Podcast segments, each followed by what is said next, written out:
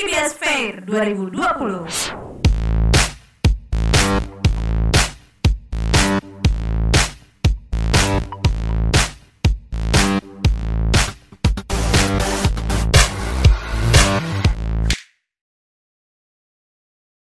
Hai, gimana kabar hatinya?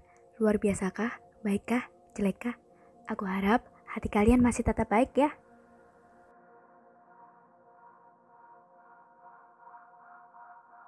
Siapa nih yang hatinya masih kosong? Angkat kaki. Hih, hari gini hati masih kosong. Kok bisa samaan sih?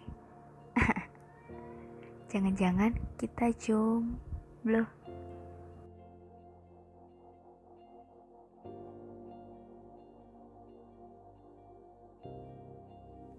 Topik pembicaraan kita hari ini ialah A Story About What Makes You Happy. Aku rasa kalian sering mendengar kalimat uang tidak bisa membeli kebahagiaan dan kalimat orang yang memiliki banyak uang pasti bahagia. Menurut kalian, mana nih yang benar? Sebentar, sebentar. Untuk mengawali topik pembicaraan kali ini, aku mau bikin tebak-tebakan dulu buat kalian. Jadi, kenapa air laut bisa asin? Karena ikannya pada berkeringat eh. Kalian bisa bayangin gak sih? Laut kan luas tuh, pasti banyak ikan. Terus mereka semua berkeringat. Dan keringat mereka campur aduk dengan air laut yang di mana tempat tinggal mereka sendiri. Jijik kali. Garingnya. Ya udah deh. Kembali ke topik pembicaraan.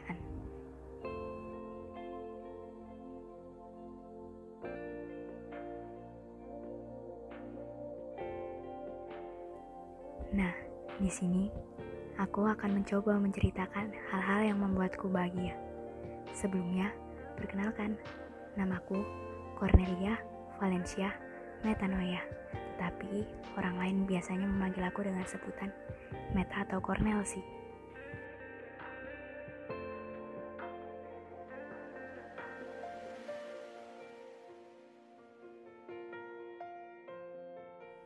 Sebenarnya pengen banget punya nama panggilan dari nama tengah. Kayak bagus aja gitu. Tapi sayangnya jarang banget orang memanggil aku dengan nama Valen sebagai nama tengah. Namun, belakangan ini ada temen yang manggil aku dengan nama Valen loh. Tahu nggak kalian gimana responku setelah 17 tahun? Akhirnya ada yang manggil aku dengan nama Valen. Kalian yang jawab aku pasti seneng, tepat sekali. Saat itu juga aku teriak, boy. Seneng banget dipanggil nama itu. Aku langsung post story di Instagram, terus aku chat beberapa teman deketku buat kasih tahu hal sepele ini.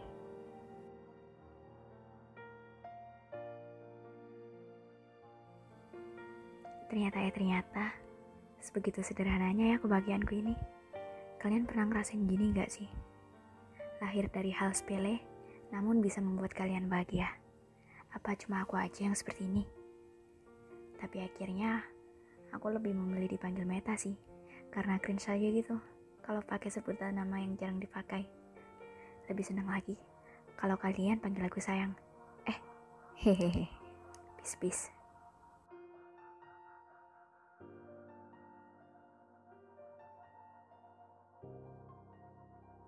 The other things what makes saya happy kalau lihat orang lain bahagia. Apalagi bahagianya karena bantuan kita. Rasanya tuh mantap.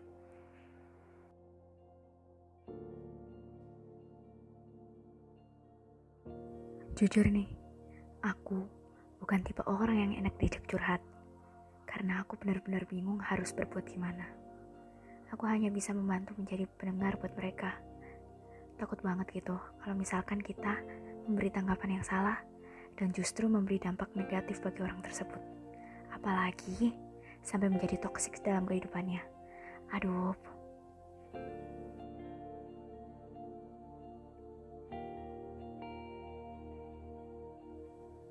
Aku berpikir seperti ini karena aku melihat banyak kejadian. Maunya memberi solusi, malah jatuhnya mengompor-ngompori dan situasi pun menjadi makin memanas. Jadi, aku lebih memilih menjadi pendengar buat mereka. Setidaknya, aku bisa membantu sedikit meringankan bebannya. Aku rasa aku tidak sendirian bukan untuk pernah berpikir hal-hal seperti ini. Tapi-tapi, untuk menjadi seorang penyemangat dan berpikir positif dalam berbagai sudut pandang, akulah jagonya. Membuat orang lain tertawa adalah satu-satunya jurusku supaya mereka bisa tetap bisa tersenyum meski berada di fase yang menyulitkan.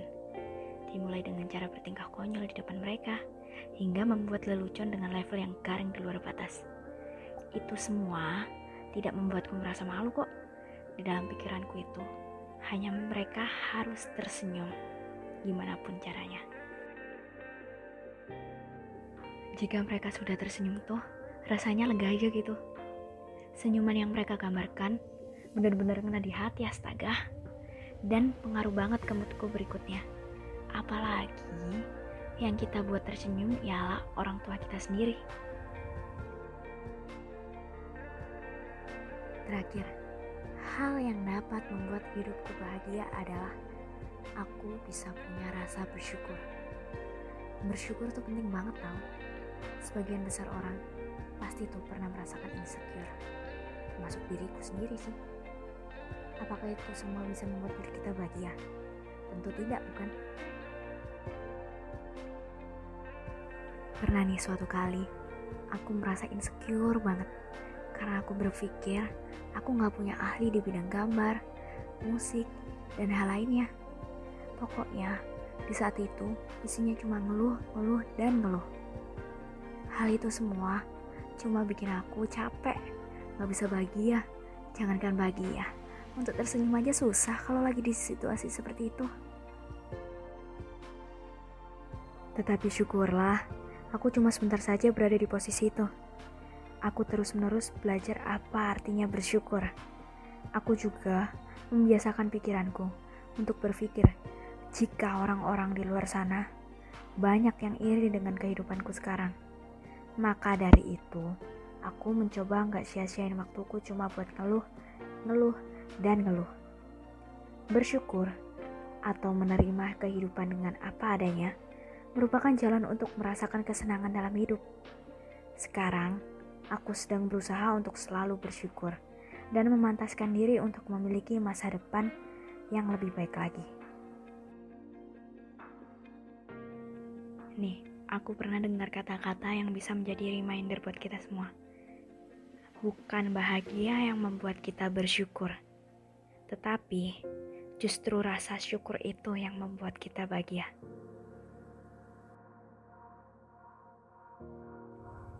Oh iya, lupa satu lagi.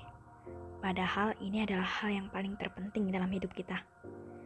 Memiliki hubungan baik dan erat dengan Tuhan adalah kunci utama bagaimana kita memiliki kesenangan dalam hidup. Um, sebenarnya bukan memiliki sih, lebih tepatnya kita bisa merespon banyak hal dengan baik, sehingga kita bisa merasakan banyak kesenangan di dalamnya. Jika kalian tidak hidup dekat dengan Tuhan, hidup kalian pasti sering merasakan kekosongan. Padahal, banyak sekali yang dapat disyukuri. Aku bilang seperti ini karena aku pernah di dalam posisi ini, dan aku tidak mau hal ini terjadi pada kalian semua. So, inti sebenarnya adalah kita tidak perlu hal yang besar dan uang yang banyak untuk membuat diri kita bahagia. Namun, dengan hal yang sederhana seperti tadi bisa kok membuat diri kita bahagia. Apalagi hal yang tadi seperti bersyukur dan dekat dengan Tuhan. Kedua hal itu juga yang menjadi hal yang dasar banget untuk diri kita bukan? Nah, kita sudah berada di penghujung podcast nih. Aku cuma mau ngingetin ke kalian, jangan lupa untuk bahagia, meski berada di situasi yang sangat sulit. Karena di setiap peristiwa, pasti ada hal positif yang dapat berpengaruh dalam hidup kita. Sedih boleh, dipikir boleh, tapi jangan sampai berlarut-larut. Sekian, terima kasih. Semangat!